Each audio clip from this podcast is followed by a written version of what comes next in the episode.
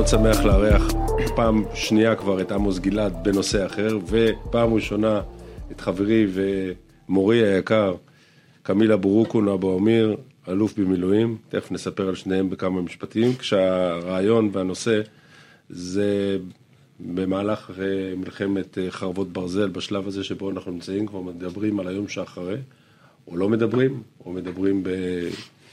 בכמה אופנים, ואני מאוד רוצה שנדבר ונתרכז בנושא של היום שאחרי המלחמה הנוכחית, חרבות אה, ברזל ברצועת עזה, לאן אנחנו הולכים. בסך הכל בישראל מייחלים למיטוט שלטון חמאס, והלחימה מציפה כבר שאלות מה צפוי לקרות בהמשך, מכניסת הרשות הפלסטינית דרך כינון אה, ממשל אזרחי חילופי והקמת משטר, אה, משטר ביניים אזורי, כך או כך דרושה אסטרטגיה ברורה לקראת היום שאחרי.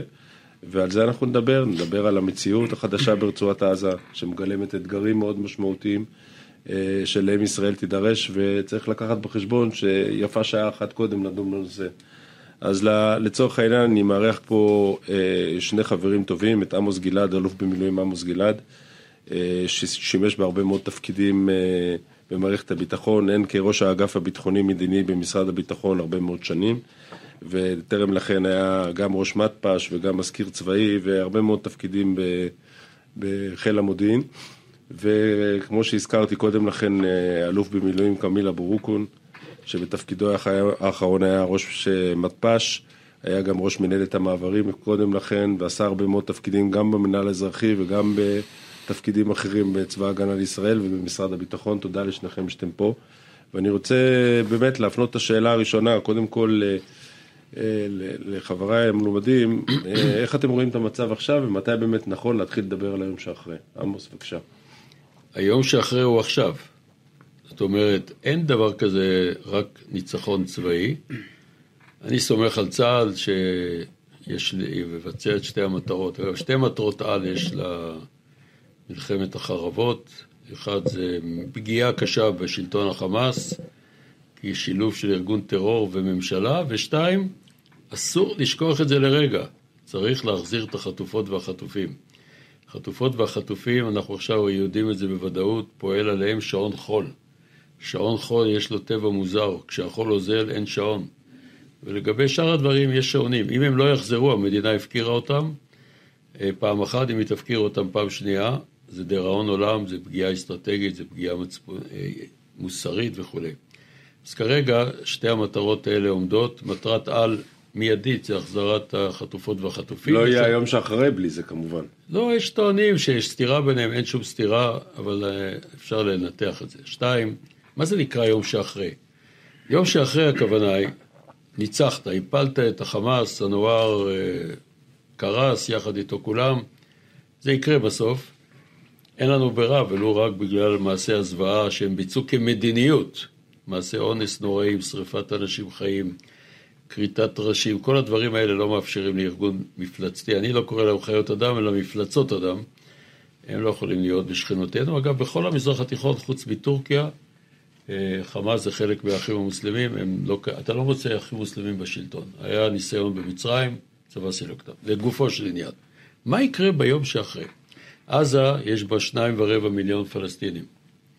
כשנכנסנו לעזה היו ברבע מיליון. זה אזור מוכה אסון, מוכה אבטלה, מוכה, אולי גם יהיה מוכה רעב, יהיה מוכה מחלות.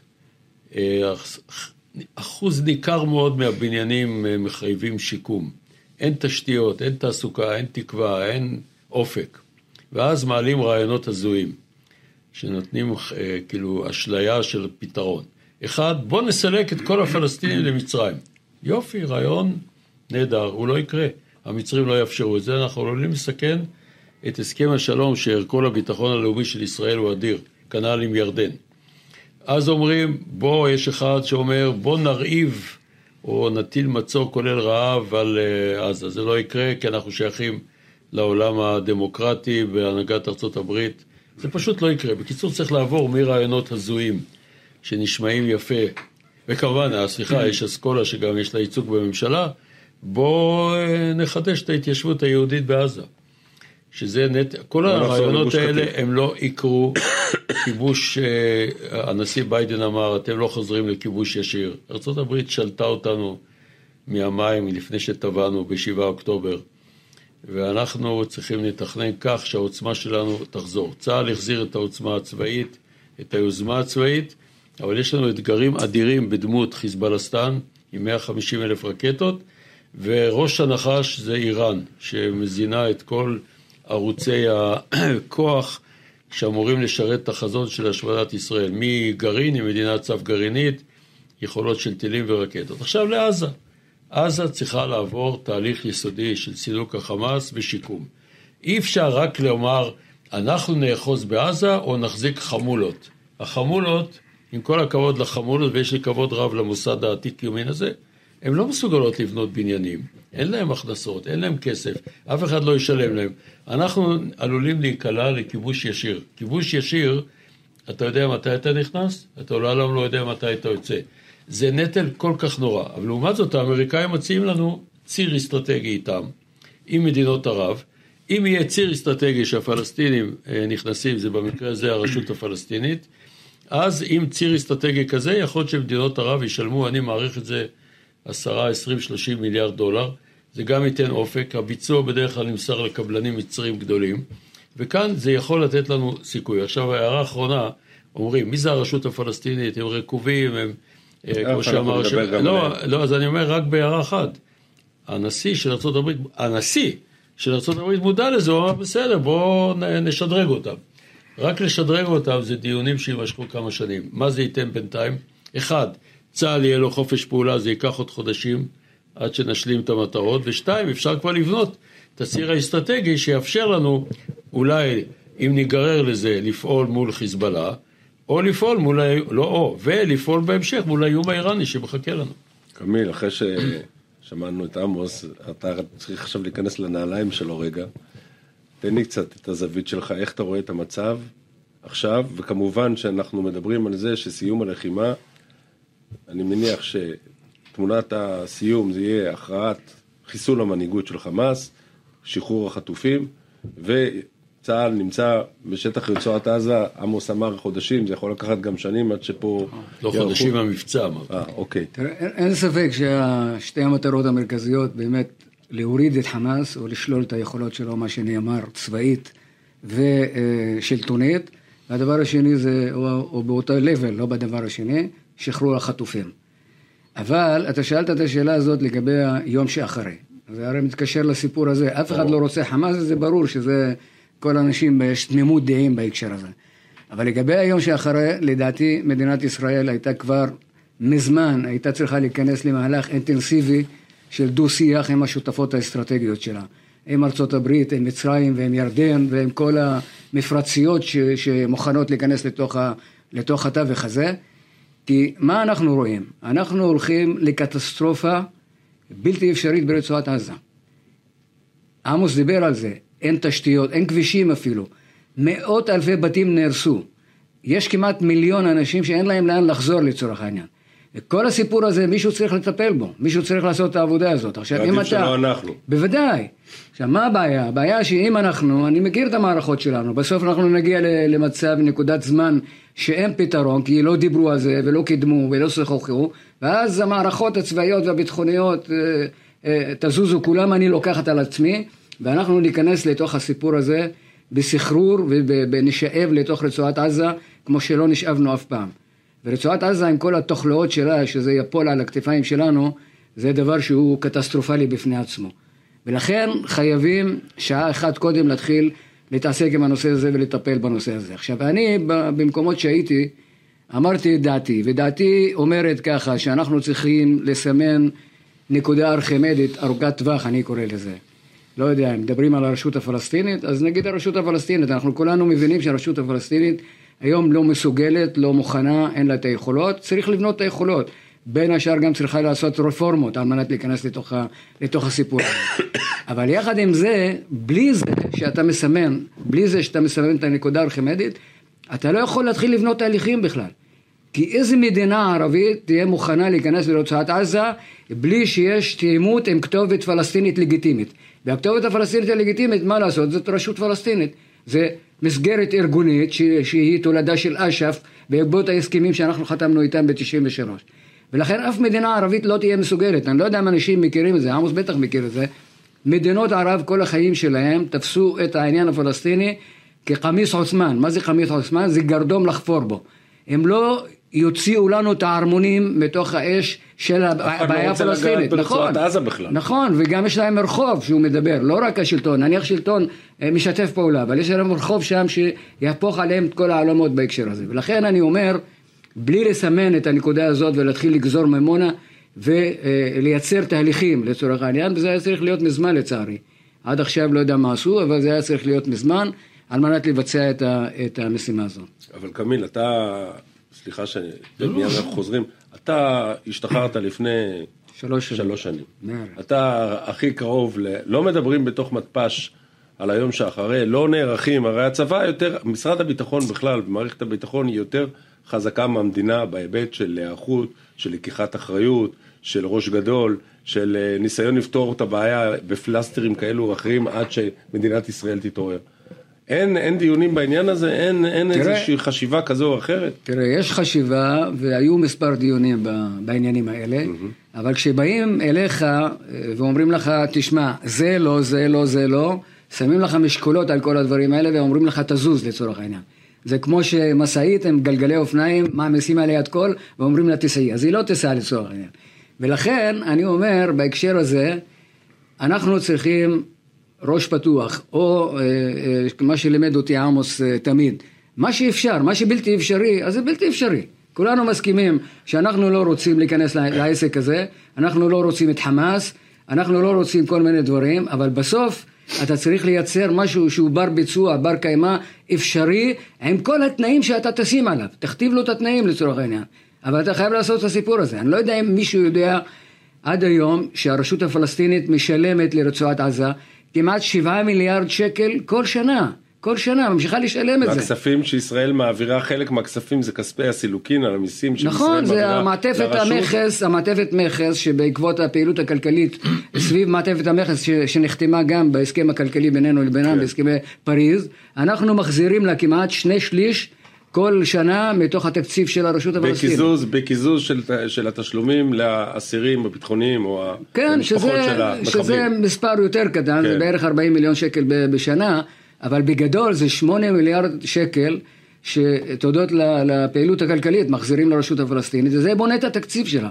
מה זה התקציב של הרשות הפלסטינית? כמו שאמר לי פעם, זה כלפי הישראלים, זה כמו כספומט אה, להחליט בו. סך הכל 15 מיליארד שקל בשנה. שזה בנוי על אותם שמונה שאנחנו מחזירים להם, עוד איזה גבייה של ארבע וחצי, עוד תרומה של המערכת הבינלאומית שמזמן ירדה, נמצאת בירידה גדולה מאוד, וככה היא מנהלת העניינים, תמיד גם בגירעון דרך אגב, היא, היא נסמכת על הבנקים, והבנקים אה, אה, מלווים לה הרבה הלוואות בהקשר הזה. אבל תעזוב כרגע את הנושא של התקציב, אני אומר כעיקרון, מישהו צריך לממן את המערכת הזאת שתעבוד שם לצורך העניין. הרשות עושה את הדבר הזה כבר הרבה שנים, למרות שהיא לא נוכחת ברצועת עזה, אבל מה? יש לה קאדרים שעבדו בעבר, עדיין עובדים בוגרי ביום. הפת"ח שיושבים ב- כן, כן, חלקם עדיין בתוך המערכות האזרחיות הממשלתיות שנמצאות בתוך, בתוך רצועת עזה, בעיקר הגופים הגדולים, החינוך, הרווחה, הבריאות, כל האלה, והיא משלמת לה. יש כאלה שיצאו לפנסיה, אפשר להחזיר אותם לצורך העניין, בהנחה, ויש מסגרת על שנקראת, מה שאני קורא לזה, השלטון המרכזי. הרי שלטון מרכזי, שלטון מקומי, הוא לא יכול לעשות כלום כן. בלי שלטון מרכזי. ברור. שלטון מקומי כמו חמולות, אפרופו חמולות, או לא יודע מה, יפנו זבל, יעשו כל מיני דברים. אבל מי שינהל את המערכות הגדולות מעל, אתה חייב את השלטון המרכזי. עמוס, אז מי יהיה בשלטון המרכזי? תראה, הניתוח של קמיל הוא מעולה, והוא גם, אה, מעבר לכך שהוא מעולה, הוא גם מראה שיש לנו רק אופציה אחת. כל האופציות, ה, אני קורא לזה ההזויות, שנראות פשוטות לביצוע, אין להן סבירות שיקרו. במילים פשוטות, אנחנו הסתבכנו בלבנון מתוך אשליות ש... שיקום משטר שיחתום איתנו שלום, בסוף נתקענו שם 18 שנים ויצאנו מה שקוראים נסיגה חד צדדית, שיש רואים בזה בריחה ועוד השלכות על האינתיפאדה השנייה. אם אנחנו לא נתחבר לארה"ב ולמדינות ערב, אנחנו נגררים כבר עכשיו לכיבוש צבאי ישיר. כיבוש צבאי ישיר, רק צה"ל, התיאום פעולה בשטחים הוא קטן מדי, לקחו לו את היכולות של ממשל צבאי, יש הבדל בין ממשל צבאי לתיאום, אני לא אכנס לזה. עכשיו אתה עומד, אומר, יש לי שכונת שוג'עיה, מה שקורה ביידיש אצלנו סג'עיה. ראש המועצה המקומית, נניח שיהיה כזה, יבוא מאיזה חמולה ויעשה סיור ברחובות. יגידו לו, צריך לנקות את הרחובות, אבל הרחובות מלאים אה, הריסות של בניינים. מי יממן את זה? תקציב הביטחון. כל שקל שאנחנו נוציא שם זה על חשבון ההתמודדות עם איראן ועם חיזבאללה. הצבא יעשה את זה, הצבא ינהל חיים אזרחיים, יתמודד עם ביוב, כל תקלה בביוב, בגלל משטר הזרימה בים התיכון, ברגע שמתקני הביוב לא עובדים, חופי אשקלון וזיקים נסגרים בגלל תוצרים מוצקים? שעולים... אה, מי, מי תהום, אין, אתה צריך לספק להם מים. חשמל, אה, יש מתקן להתפלת מים. אז אומרים, אז מה, שישתו את מי הים, כמו שערפאת היה אומר? אז מי, אם ישתו את מי הים, אנחנו נאכל חצץ. בשונה מלבנון, העולם לא יאפשר לנו את זה. אבל ממשל... היחסים שלנו, תקשיב, עם מדינות ערב, הם יהיו באיום. זה לא שאכפת להם מהפלסטינים, אבל לא אכפת רוצים להם שזה ייפול עליהם, ברור. הביטחון הפנימי. עכשיו, האמריקאים מציעים לנו, עם כל העוצמה, עם כל שיתופי הפעולה, עם האתגרים שיש לנו מול איראן, לעשות ברית אסטרטגית, שבתוכה מכניסים רשות משודרגת. אז קודם כל, בשנה הקרובה צריך חופש פעולה לצה"ל, לטפל בחמאס, זה לא כזה קל כמו שתיארו. אחר כך, חופש הפעולה הזה, יש קבוצות דיונים, ורואים, כולל עם הרשות, מה אפשר לעשות. אגב, אני לא יודע אם אתם יודעים, אבל האמריקאים מחזיקים פה, ארה"ב מחזיקה בשירות פעיל גנרל בשלושה כוכבים, שזה הדרגה של הרמטכ"ל שלנו, שתפקידו לבנות את הכוח. USSF. אז תמיד, כן, תמיד אפשר למצוא פגמים. אבל ברור. אני לא מחפש את האפשרות הכי טובה, אלא את הכי פחות גרועה, שהיא ריאלית. אבל ריאלית, קמיל, מה, ביבי לא מבין, ראש הממשלה לא מבין שאין לו ברירה אלא לקחת רשות פלסטינית משודרגת? מה, הוא לא הוא מבין מבין. שהוא רק מחושק על ידי סמוטריץ' ובן גביר ולכן הוא לא עושה את מה שהוא צריך לעשות? מה, אנחנו לא מבינים שאנחנו הולכים פה לשקוע בבוץ העזתי שהוא הרבה יותר גרוע מהלבנוני? הוא אמר שהאיום האיראני הוא איום כבד, והוא הקדיש לו את, כמעט את כל חייו. היום אנחנו מדינת סף גרעינית. חיזבאללה, כשהוא התחיל כראש ל-60% ממשלה, כן. 60 אחוז וקפיצה ל-90 זה שבועיים. הוא, אה, היינו בלבנון, הסתבכנו. הקימו פעם אגודות כפרים, זה היה פיאסקו. זאת אומרת, נכשלנו. אה, האם הוא מבין אינטלקטואלית? לדעתי כן, אבל הפוליטיקה פה משחקת, וגם הדיונים שיהיו השבוע, בצורה שאני רואה אותם מחוברים לביקור שר החוץ, זה נועד להראות כאילו שיש דיונים, אבל אתה לא יכול להביא לקבינט רחב עם אנשים עם הדעות הידועות, שבעצם רוצים לספח את עזה ואת יהודה ושומרון ולהשליט שם שלטון ישיר של ישראל. זה החזון שלהם, זה יביא אסון לישראל, כשאני מסתכל על כל האיומים ועל כל הסיכויים. ארה"ב ומדינות ערב מציעות לנו עסקת חבילה של, של מיליארדי מיליארדים שיכולים להביא לפה שגשוג וגם לירדן. כולל כניסה של ירדן- סעודיה, כולל כניסה של כניסה של סעודיה, מימון של סעודיה גשר ואולי יבשתי, הסכם שלום. גשר יבשתי, רק הגשר הזה הוא שישה מיליארד, ונמל חיפה יפרח, וירדן שהיא מדינה ענייה יכולה לפרוח. חלק מהאנשים פשוט, הם לא מבינים, אתה שואל אותי אם הוא מבין, אני לא רוצה להתיימר להבין אותו, אני חושב שהוא מופעל על ידי שיקולים שהם לא שיקולים אסטרטגיים, כי אנחנו בעצם נכנסים לחיכוך עם האמריקאים. אני לא יודע אם נושא את המטוסים השנייה עזבה כאיזה איתות או לא, אין לי פשוט ידע, אבל בסוף אנחנו נתחכך עם האמריקאים. האמריקאים, נשיא ארה"ב מתקשר לראש הממשלה לפי מה שפורסם ואומר לו, תשחרר כספי סילוקין. הכסף הזה שייך על פי הסכמים לרשות, זה צד המשפטי. אז איך אתה רוצה שבלי כסף הם יפעלו? מכונית יכולה לנסוע בלי דלק או בלי חשמל? לא. קמיל, אז מה אתה דרך אומר? אגב, אני אומר, מצד אחד, הם בוודאי מבינים. אבל אני גם חושב שזה לגיטימי שיש הרבה אנשים במערכות וגם במדינה שעשו איתחול, ריסטארט, מאז האירועים של שביעי באוקטובר. למה? כי קרה מה שקרה, ולכן... כי הם שומעים אנשים נכון, ברשות חוסר- שמדברים כמו שהם מדברים. חוסר בצורה- אמון, הם לא גינו, הם לא עשו, הם לא זה, כל מה שאנחנו יודעים בהקשר הזה, ולכן לצורך העניין זה לגיטימי באמת לא לרצות אותם. אבל מכאן ועד לזה שהסיפור הזה ייפול על הכתפיים שלנו, של מדינת ישראל, כי בסוף גם יש דין בינלאומי, יש מי שמזלזל בדברים האלה, יש כל הדברים האלה. ככל שאתה מעמיק באחיזה אפקטיבית בתוך השטח, ואנחנו כנראה מעמיקים, בטח בצפון ה- הרצועה וכולי וכל מה שקורה, האחריות תחול עליך. ולכן אין לך כבר הרבה ברירות, אתה צריך לייצר פתרון. עכשיו, הם מחפשים שמישהו ייצר להם פתרונות כאלה עלומים, שאף פעם לא ניסו אותם. דרך אגב, אמרתי לעמוס בחוץ, אפילו אגודת הכפרים, היה לה גוף מעל. היה את מוסטפא דודין וכל אלה שמתחתיו, אבל מה שהם עשו בעיקר הם לא ניהלו, הם פשוט אה, התעמרו באוכלוסייה ו- ו- ולצורך העניין מצצו את הדם של האוכלוסייה. היו מושחתים. והם מושחתים, כן, ואנחנו הגנו עליהם, נתנו ג'יפים של משמר הגבול וליוויים וכל מה שצריך. לכן שום דבר לא יעבוד. אני מבין שהרשות הזאת היא מושחתת בכל התכליות שלו, אבל חייבים לתקן ולנוע קדימה. ולתקן ולנוע קדימה רק אם אתה מסמן אותה שהיא בקצה, אחרי שהיא ת, ת, תעבור את כל המהלך של התיקונים שצריכים לתקן אותם, מה שאמרנו, ואז יקרה מה שיקרה. אני לא יודע אם אנשים יודעים, ייקח בין שבע לעשר שנים על מנת לשקם את הבתים שנהרסו או אלה שנפגעו של אותם מיליון אנשים שאין להם לחזור. ובינתיים האנשים האלה מה יעשו? הם יחיו בתוך אוהלים לצורך העניין, בלי תשתיות, בלי מים, בלי ביוב, בלי כבישים אפילו לצורך העניין. אז מי ינהל את הקטע הזה? מי ינהל אותו? עכשיו אם אתה לא מוצא פתרון, אתה תצטרך להיכנס לשם ולנהל את הסיפור הזה. אני גם לא רואה מדינה ערבית שתבוא לפעול שם באופן עצמאי, בלי איזה אישור של כתובת או הסכמה עם כתובת פלסטינית כלשהי לגיטימית שאמרנו, כשישראל יושבת במעטפת. יושבת בתוחמת הצפונית, בפרמטר, באזור פילדלפי אולי, לא יודע מה, והיא נכנסת פנימה לכל מיני פעוליות, ויש לך בתווך מדינה ערבית שמספקת אה, אה, אכיפה וסדר ציבורי ומשטרה ונותנת כסף. נראה, נתפס אצל מישהו? אלא אם כן אני לא מבין את המפה מסביב. עמוס, יש מישהו שהיום מדבר עם המדינות האלו, עם סעודיה, עם המפרציות, עם מצרים, אמריקאים, בלעדינו, מישהו מדבר, מישהו מניע את התהליך, כי גם, הרי בסופו של דבר אנחנו מכירים איך זה הולך פרקטית אצל הממשלה הנוכחית. בסוף, היא תיאלץ להיכנס לתוך העניין הזה, אה. לעלות על העגלה, שכבר מישהו בישל את, את המטבוך. קודם כל, האמריקאים מנהלים אה, רב שיח מאוד פעיל. מגיע לפה שר החוץ האמריקאי, מזכיר המדינה קוראים לזה בארצות הברית, בלינקן, שהוא כבר פעם חמישית פה, לדעתי הוא כבר יותר. לא, וזה הוא מניע אה, בצד הישראלי, הוא מנסה לשכנע את הישראלים לא להיות לא, הוא מגיע גם למדינות ערב. כן, ברור. אה, תראה, הבעיה, הדבר היחיד שצריך להדריך אותנו, זה מה טובת מדינת ישראל.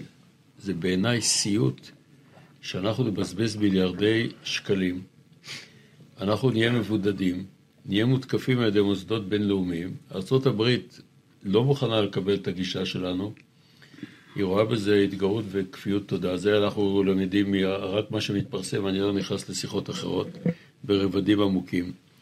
הבעיה היא לא אם אתה משוחח עדיין עם... אה, אה, זאת אומרת, אני לא יודע מתי ראש הממשלה שוחח עם מנהיג ערבי בזמן האחרון. אנחנו גם נראים חלשים, אנחנו גם עלולים להגיע לעימות בצפון, אנחנו חייבים את כל הבריתות האלה.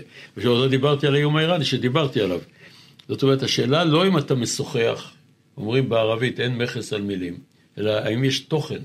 ואם אנחנו לא נאמץ אסטרטגיה של היום שאחרי, האחרי יבוא די מהר, והרי צה"ל יצטרך להוציא חלק גדול מהכוחות כפי שכבר התחיל פינוי, ואנחנו נצטרך לשלוט שם, ואנחנו נכנסים לביצה, ומבחינת אה, סנוואר, הוא, הוא יחשב כאילו זה, הוא השיג אה, הקזת דמנו, פגיעה ביחסים הערבים, אולי אנשים לא מבינים את זה. זה שאנחנו שייכים לברית אסטרטגית, זה היה חלום, הערבים היו, מדינות ערב היו אויבות נוראות שלנו. אה, במלחמת העצמאות צבא מצרים הגיע צומת דד הלום. כולם הגיעו במטרה לחנוק אותנו ביום שקמנו, או ביום שלמחרת. פתאום הפכנו ליחסים אסטרטגיים, יחסי שלום, יחסי ביטחון, שיתופי פעולה אה, מגוונים. אולי זה לא מובן לאזרח, אבל בהיעדר הרבה מאוד אזרחים ואזרחיות פה יבינו. זה יהיה אסון. עכשיו, אם חמאס, במעשה התועבה שלו, זאת תהיה התוצאה האסטרטגית, אני רואה את זה בחלחלה. עם כל הכבוד לח... לפ... לרשות שצריכה לשנות את החינוך, אני בעד כל הדברים האלה, גם, גם עסקתי בזה באופן ישיר. אותי מעניין כרגע מיידית, מה אפשר לעשות לחזק את ישראל אחרי הטראומה הנוראה שיכלה להיות הרבה יותר גרועה ב-7 אוקטובר. למזלנו, ארה"ב התייצבה לצידנו, לצה"ל יתאפשר לחזור לעוצמתו, אבל בלי היום שאחרי, אנחנו אחרי אסון ולפני אסון. אז קמיל, בוא נרד רגע קומה ותסביר לי מה זה הרשות הפלסטינית המחודשת, מי המנהיגים שאתה רואה שיכולים לרשת את אבו מאזן, כי אבו מאזן בן 86? תשע. תשע? במרץ. במרץ 89. טוב, זה גם, זה גם יום, יום שאחרי. זה גם יום שאחרי, מדברים, אולי זה הרשות המשודרגת. בדיוק, מדברים על אבו מאזן והמחליפים שלו, כי יום שאחרי כבר... לא יודע, נכתבו על זה תלי תלים של, של דברים. אבל תראה, הרשות הפלסטינית, אם אנחנו באמת רוצים ש, שתעשה רפורמה שם, חלק מהמנהיגות הקיימת צריכה לעזוב. כל הסוגיה הזאת של מה שנקרא של תשלומים למשפחות אסירים, על פי אה, עדיין שהפכת וכמה שנים אתה נכנסת לכלא, צריכה להיכנס למסלול אחר, והתחילו דיונים, אתה זוכר את הסיפור הזה, על הסיפור הזה מול, מול הגורמים בינלאומיים, להכניס את זה למסלול של רווחה וסוציאלי וכל מה שצריך, כמובן לטפל בכל סוגיית החינוך שכל הזמן נמצאת בהסתה, ההסתה נגד בוודאי, ישראל. בוודאי, ילד הכי קטן שנולד בגיל אפס, מלמדים אותו מי זה יהודי, איך להרוג יהודי, וראינו את האימונים שם, שכולם מלמדים אותם איך להשתמש גם בנשק. אני לא מדבר על רצועת עזה, אני מדבר על איו"ש. גם על איו"ש, גם על איו"ש, דרך אגב, החינוך זה אותו חינוך כמעט, חוץ מה, מהמוסדות של חמאס והאחרים, אל-מוג'מע אל-אסלאמי שהוקם בעזה, אבל זה בערך אותם דברים, תמיד יש את, ה, את האלמנטים האלה שהם נגד מדינת ישראל, נגד הציונות וכל מה שנקרא מי אתה בתוך רואה ה- מחליף את אבו מאזן? כולם נזהרים לא לדבר. תראה, עכשיו מעבר לזה שמות. רציתי להגיד עוד דבר. כן. אחד מה, מהתיקונים והרפורמות, אתה חייב להכין את, את הרשות הזאת, כי הרשות הזאת מזמן היא מקרטעת גם ביהודה ושומרון. אנחנו רואים בג'נין, בטול כרם, נור שמס, כל המקומות האלה, ובשביל זה יש את הגנרל של שלוש כוכבים, שהוא צריך לבצע את המהלך הזה בירדן אמריקאי. בדרך כלל, אמריקאי. פעם היה דייטון, בג'נין. כן, היום, אני לא יודע איך קוראים לו, אריק היה בתקופתי, או לא יודע כן. מי זה, ואז הם צריכים להכין כמובן יכולות, בעיקר שיטוריות, על מנת להגיע לרצועת עזה. תשמע, המחליפים של אבו מאזן עולים מספר שמות, שכולם מכירים אותם. על פי המהלך הרשמי, המזכ"ל של אש"ף חסיין א-שייח. חסיין א-שייח, הוא צריך להחליף את אבו מאזן עד שמקיימים בחירות ועד שעושים את מה שצריך לעשות. רק מה הבעיה עם חסיין? חסיין אין לו, אין לו אהדה ברחוב הפלסטיני. ולכן צצים כל מיני שמות כמו ג'יבריל רג'וב. אה, מחמוד אל-עלול, ג'יבריל רג'וב, נאסר אל-חידווה שהוא אחיינו של ערפאת בקונסטלציה כזאת או אחרת עם דחלן כי הוא הרבה במגעים עם דחלן אה, בהקשר הזה. אבל השם החם ביותר שכולם מדברים עליו הוא שגור בכל אה, פה שם בשטחים זה מרואן ברגותי גם אם הוא נמצא בתוך הכלא וגם אם הוא נמצא מחוץ לכלא שאין סיכוי שיצא כי הוא שפוט למאסרי עולם רבים. אבל מרואן ברגותי גם אם עכשיו יתקיימו בחירות בתוך הכלא הוא יזכה הוא יזכה, אבל יכול להיות שיצא החוצה, זה ייגרע כן. ממנו, אבל כרגע זה, זה תמונת המצב, בתוך ה- הקבוצה שיכולה להחליף את, את אבו מאזן, יש את מג'ד פראג' ששכחתי, גם הוא עולה השם שלו, אבל אלה יש להם אחוזים אה, קטנים מאוד מאוד מצומצמים, אין להם אהדה, נתפסים כמושחתים, לא יודע. עמוס, אתה רואה מועצה שמחליפה את, אה, את אבו מאזן, והמועצה הזאת תנהל גם את איו"ש וגם את אני רצועת ממליץ עזה? להגישה אחרת, כי זה, לא די- אנחנו לא עושים פה דיון שיבוצים. לא, אנחנו לא, אנחנו עושים אני דיון לא סתם של היום זה. שאחרי ברצועת אבל עזה, שאל- ברור. הוא שאל מי עולה. לא, לא, אז- ברור, ברור. לא, לא, אתה בסדר גמור. זה אתה כן. בשיבוצים, זה תיאור מצוין. מעולה. אני, אין לי מחלוקת על זה. אני רק רוצה לא- לתקוף את זה מזווית אחרת. כן. אם אתה חושב שנוכל לקצץ את הרשות, כמו שסמוטריץ', כשר ביטחון שלי ושר האוצר, לוקח להם כספים, ואז בא מוחמד לאשתו חדיג'ה ואומר לה, ממחר יש לה חצי משכורת. אז היא אומרת, למה? כי היהודים לקחו לי. אז למה אתה עובד איתם? אנחנו מרוקנים להם את המוטיבציה. אני חושב שהערך שלהם... המוטיבציה של מנגנוני הביטחון אני הפלסטיני. אתן לך דוגמה לא מתחום הטרור. תמיד באים אליהם בביקורת. היום נכנס, נכנס יוסי ל- לעיר פלסטינית. ואתה רוצה כסף. לחלץ אותו. ואתה רוצה... לח... לא, הם מחלצים אותו. ומונעים ברור לי, אסון. ברור לי. זה פרקטיקה שבכלל לא זוכה לכיסוי. אתה צריך להחליט איזה מרחב פעולה אתה נותן להם ואיזה חזון. אחרת הם לא יסכימו להפוך לצד"ל. הם לא יסכימו להפוך לכוח עזר שלך. אף אחד איזה שלא אופק יסכים. מדיני אתה נותן אין לרשות. להם, ואז אז עולה רעיון שעכשיו בתקשורת, חמולות בעזה. אוקיי, החמולה, מה היא תעשה? היא תשדוד. יהיה לך סומליה, יהיה לך שוד, כוס מים ימכרו ב-20 דולר, יהיה מחלות, אף אחד לא ידאג, הבניינים יהיו הרוסים, אנחנו נהיה לדיראון עולם. וכל כך הרבה פעמים נכשלנו בצד האסטרטגי הזה, וזו אחריות רק של הממשלה, ובמיוחד של ראש הממשלה. שהוא כן מבין, אבל השיקולים שלו הם כנראה אחרים. ולכן, בסופו של דבר, נניח שהרשות הפלסטינית היא הולכת ודועכת בין היתר בגללנו. יש גם את ה... לא הזכרנו את המתנחלים היהודים, חלקם פורעים אלימים, שעכשיו אה, אלוף פיקוד מרכז כנראה יצליח להוריד. זה אבל לא יש- עניין של יש רק 500 אלימות. אלף מתיישבים שממשלות ישראל הושיבו אותם ביהודה ושומרון, רגע, עזוב את ה-500 אלף, אני מדבר על אלה מדבר ש... על הקומץ- קומץ טרור- מיעוט, טרור, אה, מיעוט ימין קיצוני. כן, אבל זה מיעוט. שהמשקל הפעולה עולה, וכתוצאה מזה מתערער הבסיס, ואנחנו לא הגענו. לתרחישים הכי גרועים, הרי כן. בסופו של דבר יש לך שתי אסטרטגיות באיו"ש, אחד מצליחה מאוד זה הסיכול, אבל סיכול, יש לך היום כבר 2,500 עצורים, מתוכם 1,400 מחמאס. נכון. אבל זה סיכול ו-300 הרוגים. פעולה מדהימה, של- שרובם מעורבים בטרור. פעילות מדהימה של צה"ל, שב"כ, אמ"ן נכון. וכולי. אבל זה רק לצד הסיכולי. אתה מוכרח לנהל את המערכת. אם אתה לא תנהל אותה בעזה, זה גם יפיל את הרשות אגב, חלק מאוד. מהסיכולים האלו, הרשות, מנגנוני הביטחון מסייעים. אני מזכיר לכולם שיש אלפי עזתים שעצורים באיו"ש, כן, כן. ומועברים לפה כשצריכים אותם לחקירות. יש פה משמעויות. אני מציע קריטריון אחד, מה טוב לישראל ומה מה ריאלי. אני לא מדבר מי יהיה. מרואן ברגותי, אגב, אישית, אם אנחנו לא ניצור איזשהו מענה, הוא בסוף ייבחר בכלא והוא יהפוך למנדלה. עכשיו, הוא איש. מאוד אלים, הוא שפוט לחמישה מאסרי עולם כי פישלו באיזה עשרים תיקים אחרים שהוא גם היה צריך להיות מורשע, אבל מעבר לצד של הטרור, הוא אמר, בי הכלא, הוא אמר. אני אלך בדרכו של ערפאת, אם לא יהיה פתרון מדיני, שתי מדינות מלאות, שהם לא בשלים לזה, אז אנחנו נחולל עוד פעם מהפכה, והפעם זה יהיה מאוחד. זאת אומרת, אם אנחנו לא נשקיע חשיבה אסטרטגית, והכל זה מתמקד בחשיבה הצבאית, אנחנו נידונים לגורל מר. זאת אומרת, אתם אומרים, קמיל, ממשל, ממשל אזרחי מקומי, ממשל, המוכתרות הזו, המשפחות, אין סיכוי שזה יעבוד, גם לא בקונסטלציה של מדינות ערביות, יחד עם, ה, עם הממשל האזרחי המקומי, יחד עם לא החמולות, יעבדו. ללא הרשות, לא יעבדו. לא, אמרתי כבר כמה פעמים, המד... אתה יכול להתחיל לנהל תהליכים ולגזור תהליכים על מנת למצוא את הפתרון לניהול עזה, רק בתנאי אחד, וזה בעיקר מדינות ערב, אבל גם המערכת הבינלאומית, שאתה שם להם כתובת פלסטינית לגיטימית, שקוראים לה, שקוראים. לה מותג, מה שאמר עמוס, שזה הרשות הפלסטינית. הם לא יבואו לפה לנהל את העניין הזה מול חמולות לצורך העניין. אנשים לא תופסים את הסיפור הזה. יעני ממשל בינלאומי זמני, אין לו סיכוי, אין לו תוחלת. אין לו- אין, אין לו אגב בהגדרה. נניח הגיע עכשיו כוח של רב-לאומי. האו"ם. כוח יפה. רב-לאומי. רגע, איפה המודיעין? סעודים? יהרגו אותם. המפרציות. לא, לא, לא, לא, לא, תקשיב.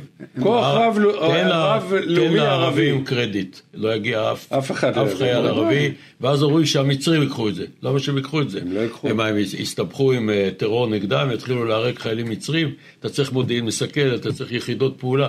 אף מדינה ערבית לא תיכנס. יכול להיות שיגיעו ממדינות באפריקה או מקומות כאלה, כוחות חסרי חשיבות, גם הם לא יגיעו, כי המדינות ערב תתנגדנה לזה. בשונה מלבנון, שאף אחד לא היה אכפת ששקענו בביצה, פה זו סוגיה שנוגעת להרבה מאוד מדינות. נכון, זה אני מסכים לגמרי. עכשיו, אנחנו דיברנו הרבה על, על, על עזה והיום שאחרי, אנחנו שוכחים את יהודה ושומרון. יהודה הכל ושומרון, משתלב אחד בשני, ברור. מה? זה אחד משתלב בשני. כן, יהודה לא ושומרון- אופק מדיני. יהודה ושומרון נמצאת אה, על חבית חומר נפץ לצורך העניין. כל המרסנים לא קיימים, אותם מרסנים אזרחיים, אותם 180 אלף פועלים שעבדו בישראל ובהתיישבות ותנועה כלכלית, אפילו הסוחרים, לפעמים מתקשרים אליי אנשים, לא נותנים להם איזה יום אחד בשבוע בשביל לנסות להגיח ולחזור בחזרה. מעבר לעצורים וכל מה שקורה, ההרוגים שנהרגו שם מאז, מאז תחילת המלחמה, מאות אנשים שהרבה הרבה שנים לא קרה דבר כזה. כל הפעילות שמתעוררת, נור שמס, טול- אני הייתי מושל טול כרם.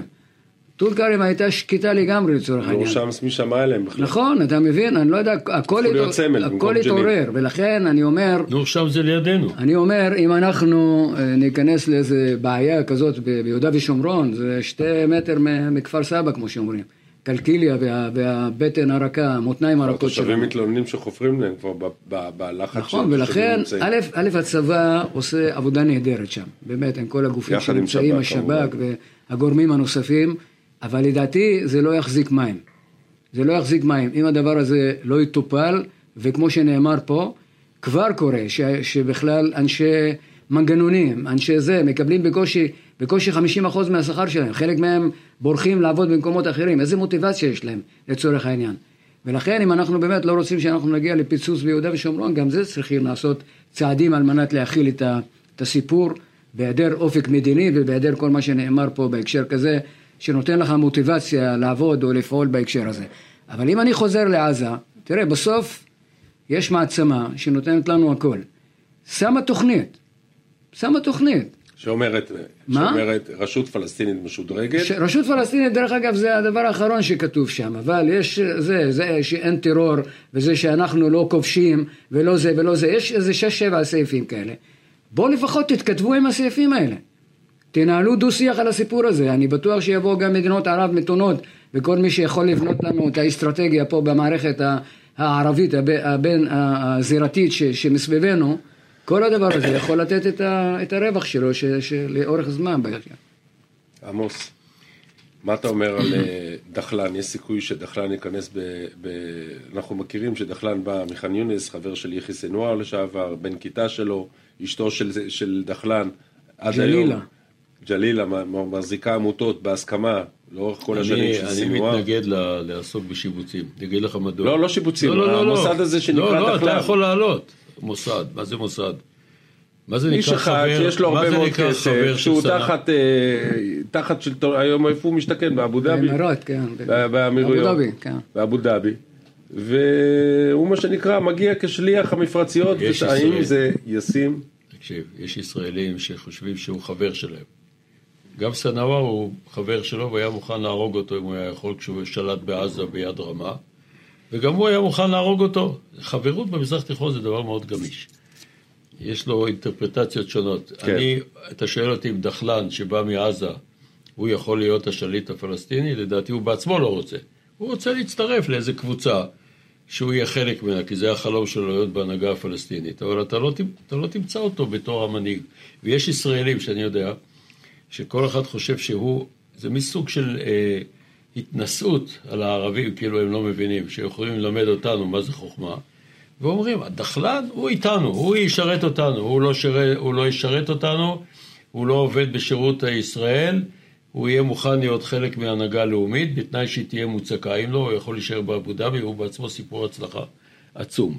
ולכן אסור ללכת על השיטה, כי אנחנו נכשלים כל הזמן. העלינו את בשיר, הוא מת. והסורים אמרו, אם הוא יחתום שלום, הוא ימות, הוא מת.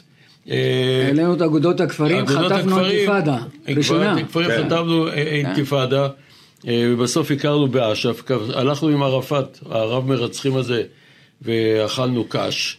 וגם כשהצלחנו לבצע את חומת מגן זה לקח עוד שנתיים, ועדיין יהודה ושומרון זה נראה גן עדן. אבל היום אנחנו, בגלל אסטרטגיה, את כל הגורמים, קביל הזכיר 80 אלף, לדעתי זה אפילו מעל 100 אלף, תלוי איך אתה מחשב את זה. כל פלסטיני שמפרנס, יש לו עוד חמישה או עשרה שתלויים בו. כן. זאת אומרת, אם אתה, אתה מכווץ אותם, אתה מכניס אותם למצור, אין תבונה. אה, כשהיה פיגוע סכינאים, אז רצו גם, היו גם אז כאלה שרצו, אה, בוא נאמר, להצר את צעדיהם, ובסוף התבונה גברה. אם אנחנו נלך על אסטרטגיות, לצד אסטרטגיית הסיכול המדהימה, נלך על אסטרטגיות כמו סמוטריץ', לספח את יהודה ושומרון, ואולי גם את עזה, ומבחינתו גוש קטיף זה לגיטימי. והכל לגיטימי. אין לי טענות אליו, הטענות שלי זה לראש הממשלה. הוא ימיט עלינו אסון אסטרטגי, ואסור לו לשכוח שהאסטרטגיה שלו מול איראן, הגענו למדינת סף. חיזבאללה הגענו ל-150 אלף, ואולי האמריקאים דרך מאמצי תיווך יוציאו אותנו לתקופה זמנית. יש לנו ציר אסטרטגי מולנו, והתשובה היא עוצמת צה"ל ובריתות אסטרטגיות בהנהגת ארה"ב. אם הוא ישלול את זה, ואנחנו מתקרבים, חודש הזה, חודש ינואר, הוא חודש קריטי, כי נראה לי שהאמריקאים, שמתקרבות הבחירות אצלנו, כבר היו רוצים לראות פתרונות באופק. דרך אגב, דרך אגב, הזכרנו את, את גוש קטיף וכל הדברים כן. האלה. אנשים שוכחים, אבל עוד ששלטנו, לא שלטנו, היינו בתוך רצועת עזה, וגוש קטיף היה שם לצורך העניין. פיגועים היו. והרשות הייתה, בוודאי, מה, מה זה פיגועים? פיגועים איומים היו. נכון. אני זוכר את האוטובוס של הילדים, שסליחה על הביטוי, מי שראה את המראות שם בכפר דרום, עם מטען כלי מגור, והם עם רקטות ירו אז כבר פצמ"רים והתחילו לשכלל את הקסאמים, התחילו לבנות את הקסאמים. ובתוך, אנחנו ישבנו בתוך, בתוך, בתוך עזה, בתוך גוש קטיף לצורך העניין. לכן אנשים צריכים לזכור גם את הסיפור הזה. אני לא נגד גוש קטיף ולא נגד uh, תושבי גוש קטיף, חלקם חברים שלי גם לצורך העניין, כי הייתי שם הרבה שנים.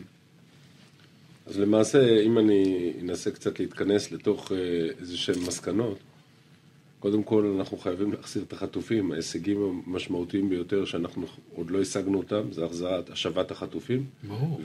ובטח חיסול מנהיגות חמאס, הבחירה היא חיסול. זה לא, זה לא רק המנהיגות, זה גם התשתית שמאפשרת להם. אם, תמיד אומרים, איך אפשר להעלים רעיונות? עזוב רעיונות. אידיאולוגיה אתה לא הורס, גם דאעש לא הרסת. אני, אני מושפע מערבים, בכל מדינות ערב, כן. כולל קטר. אין לך משטר של אחים מוסלמים. האחים המוסלמים השתלטו על מצרים, והגנרל סיסי, היום נשיא מצרים, פילד מרשל סיסי, וכל האחים המוסלמים יושבים בכלא. והציל את המזרח התיכון. נכון. בכלא, זה אולי לא פתרון קבע, אבל זה יותר טוב מאשר אנשים בממשלה. לא, לי אין ספק, אני רק אומר, מטרות המלחמה. אתה רואה, עמוס, בטווח הנראה לעין, שאנחנו משיגים את המטרות האלו, ושאנחנו מקבלים לגיטימציה בינלאומית, ובעיקר של ארה"ב? אני רואה בדאגה איומה, אני, אני תמיד סומך על צה"ל, הוא בסוף יצליח אני סומך על. צה"ל, על שב"כ ועל מערכת רגע, הביטחון. רגע, אני סומך, אבל עכשיו אתה. הנושא של השיחה הזאת, הרב שיח הזה, הוא על אסטרטגיית יציאה שהיא חיונית נכון. לממש יעדים אסטרטגיים, ובהיעדרה אנחנו נסבול נזקים חמורים ביותר. ראה דוגמאות בשפע שהיו בעשרות השנים האחרונות. תמיד אנחנו נופלים על אסטרטגיית יציאה. אתה שואל אותי היום, מה אסטרטגיית היום שאחרי? אין אסטרטגיה כזאת בכוונה, כי זה משיקולים פוליטיים. יש שני דיונים השבוע היסטוריים, פעם ראשונה, אבל בצורה שהם נעשים, אני חושב שהם לא יניבו פירות. אלא אם כן בלינקן יושב שם בפנים. כמו לא, שישב בהתחלה גם- בקבינט המלחמה. לא, הדיונים הם ביום לפני שהוא מגיע. אה, הבנתי. בכל מקרה, אני, אני שואל, כמה זמן אתם רואים עוד את הלחימה להכרעה או להגעת ההישגים של מדינת ישראל, לא, ממשלת אני ישראל? רואה, אני, מת- לצה"ל זה ייקח חודשים, כמו שהרמטכ"ל ושר הביטחון אמרו, חודשים ארוכים. אבל לא- לצד זה צריכים אבל להתחיל- לא, אבל, אבל אני רואה אסון כבד, אם לא תהיה לנו אסטרטגיה לנהל את עזה ביום שאחרי, כאשר כל הנטל הכספי, פיננסי, כלכלי, אה, מוסרי, אסטרטגי, בינלאומי ופגיעה ביחסים שלנו עם מדינות ערב וארצות הברית ייפול עלינו תוך ניהול אזור מצוקה נורא. כל פעם אני אומר חמולה. איך החמולה תבנה בניין? אחד? אני רוצה לראות... בוא ניקח את חמולה דורמוש. והיא תבנה, נו. בדיוק, סם- אבו דורמוש, אבו סמהדנה, כן. דורמוש, כן. זה, זה, הם לא מסוגלים לנהל את עצמם, אבל אני שואל, קמיל, לא, את אתה- עצמם כן, אבל לא אותנו. יש לך גם ניסיון, מעבר לזה שהיית ראש מתפ"ש וראש מנהלת המעברים, היית המון שנים בעזה, עוד בתפקידים פחות בכירים ממה שהגעת לאלוף. איך אתה, מה, מה אתה אומר? איזה, תן לנו איזשהו משהו אופטימי ככה, לסיום, בנושא הזה של רצועת עזה והשליטה, של מי ועל מי. תראה, אם לא תהיה לנו אסטרטגיית יציאה, וזה ברור לאן זה צריך ללכת לצורך העניין, כמובן עם התנאים המקדימים שאתה דורש אותם על מנת להביא את זה לפועל. אני אומר לך, אנחנו נשאב לשם, אנחנו נדשדש, ואנחנו ניתקע בתוך הבוט של עזה עם 2.2 מיליון אנשים, על כל הצרות ועל כל הקטסטרופות שלהם בהקשר הזה. ולכן אני אומר שיפה שעה אחת קודם, שמישהו צריך לייצר את, ה, את הדבר הזה ו, ולדבר עליו ולא להסתיר אותו מאיזה מקומות כאלה על מנת אה, להעלים את הסיפור הזה. זאת אומרת, שתי, שתי חדשות טובות שאני יכול להגיד. מעשי הזוועה הנוראים והתוצאות הנוראיות שלהם גורמות לכך שחמאסטן לידינו לא תהיה. אם זה היה אפילו חטיפה של כמה, היינו בסוף מגיעים לאיזו עסקה שהייתה מעצימה. חמאס זה אויב נורא, זה אויב גלובלי. זה לא רק עזה. ואני חושב שזה טעות אחת שהם עשו. טעות שנייה, הם, אין להם קואליציה רחבה באמת לממש את זה, זה הכל יכול להידרדר. אבל עדיין, הנושא כאן הוא היום שאחרי. בלי היום שאחרי, יהיה לנו הם, באופק, זה ברור, אסון, וכל האופציות הקלות האלה, לסלק אותם, לזרוק אותם למצרים, להרעיב אותם, כל הדברים האלה לא מתאימות, כל האופציות האלה לא מתאימות לישראל. זאת אומרת, אם אני אנסה לסכם את השיחה שלנו, שהיא הייתה מרתקת, זה ככה, השבת הרשות הפלסטינית לשליטה מלאה במתכונתה הנוכחית, אין סיכוי גדול. ממשל אזרחי מקומי, כמובן שלא. רשות פלסטינית מחודשת, משודרגת, עם כל התיקונים ש... שציינתם פה, עם השש נקודות, שגם כבר ארה"ב התחילה להעלות. אבל, ב- אבל בינתיים, כשלב ביניים, כן. היא נותנת את המסגרת בדיוק. לאיזה. גורמים, שכמו שאמרתי, אנחנו לא מתחילים מאפס, שיש איזה פלטפורמה שעל בסיסה אתה יכול לבנות את כמובן שלא כן. נראה איזה ממשל מקצועי בהנהגת זה- מוחמד בכלל. לדבר רגע, זה זה חמור כן. ביותר. אם לא תהיה לך מסגרת עכשיו, לא תהיה לך מסגרת בעתיד. ברור, בדיוק. ברור. זה הבעיה. אם אה. נניח שאומרים לא עכשיו, נחליט בעוד שנה. לא חשוב להחליט עכשיו, כי זה לא תהליכים תמצא גם את שלוקחים... הרשות. כולם יהפכו לטרור, ויש לך עוד הרבה תסריטים שאני אפילו לא רוצה לציין אותם, מה עלול לקרות אם האזור מצוקה הזה ימשיך לשקוע ולשקוע בתוך... מה יהיה לנו באיו"ש? יש לנו. חצי מיליון מתיישבים באיו"ש. יש לנו כן. את הרשות שאם היא תפסיק לשתף מה יהיה פעולה... בישראל? עזוב.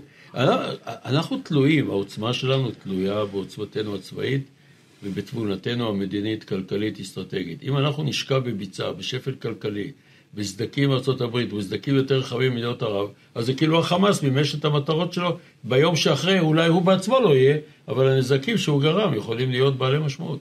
קמיל, מילות סיכום שלך? תראה, אני חושב שאנחנו במצב של רצועת עזה היום, כפי שאני רואה אותה, אנחנו הולכים לקטסטרופה אזרחית הומניטרית בסדרי גודל. ולכן על מנת שהדבר הזה לא ייפול על הכתפיים שלנו, אנחנו צריכים לפעול בצורה שמה שאפשרי, לא מה שחולמים עליו. ומה שאפשרי אמרנו אותו, תיארנו אותו בצורה מפורטת ובצורה אה, אה, רחבה, ולכן הסיפור הזה צריך להתבצע כמה שיותר מהר. מה עוד אחרי השבת החטופים כמובן. בוודאי, ומה עוד שיש לנו תמיכה מהאימפריה הענקית שתומכת בנו, ארה"ב, והמדינות המתונות לצורך העניין. ולדעתי כל זה גם יעזור מאוד על מנת לפתור את בעיית החטופים ויקדם את בעיית החטופים על מנת לשחרר אותם כמה שיותר מהר. עמוס, עוד משהו להוסיף? תראה, אני אומר שוב, שבוע הוא היסטורי. ראש הממשלה מכנס את הקבינט ואת הקבינט המצומצם לדיון ביום שאחרי. סוף סוף החשיבות של זה מחלחלת. אני לא אופטימי כי, אני, כי ראש הממשלה כבר נתן את הסיכום בשבת. הוא אמר, לא יהיה פטסטן, לא יהיה חמאסטן, לא, לא, לא, לא. הוא לא אמר מה כן, ועכשיו נותנים אה, קידום מכירות לאופציה הזאת של חמולות, שזה מגוחך, זה, זה קירי תרנגולת, ובהיעדר אסטרטגיה זה המסר לקראת בואו של שר החוץ, ובעיקר בשבועות הקרובים, שבהם אופי הלחימה משתנה. אה, בהתאם לצורכי הצבא והאילוצים וההזדמנויות המבצעיות, אנחנו עלולים ליפול שוב על הכשל הנורא של היום שאחרי, שזה שם קוד למהלכים אסטרטגיים שאפשר להתחיל אותה כבר עכשיו, אם נחבור לארה"ב ונאמץ את הגישה ולא נשקע בכל מיני חלופות שבסוף יכו בפרצופנו. בכל מקרה אנחנו מדברים גם בכל ורסיה שליטה ביטחונית ישראלית מלאה. בשלב כן, זה, לא, בשלב... זה ייתן לך, אחרת לא יהיה לך. נכון, זה חלק מהעניין הרי. בדיוק, אם יהיה לך... זאת אומרת, אנחנו נשב נכון. על הפרימטר, הפרימטר כזה או אחר, ואנחנו ניכנס בפעילות מבצעית נכון, נבצע פעילות מבצעית שוטפת, כמו שאנחנו כן, מבצעים אבל... ביהודה ושומרון, אבל לתקופה גם, זה לא עד אחרית הימים. אבל באיו"ש יש לך את הרשות. ברור. שהיא נותנת לך, היא מחזיקה את הביוב, את המים, את החינוך, את הכל. מי יחזיק לך את זה פה? זה יהיה נטל נורא על הצבא.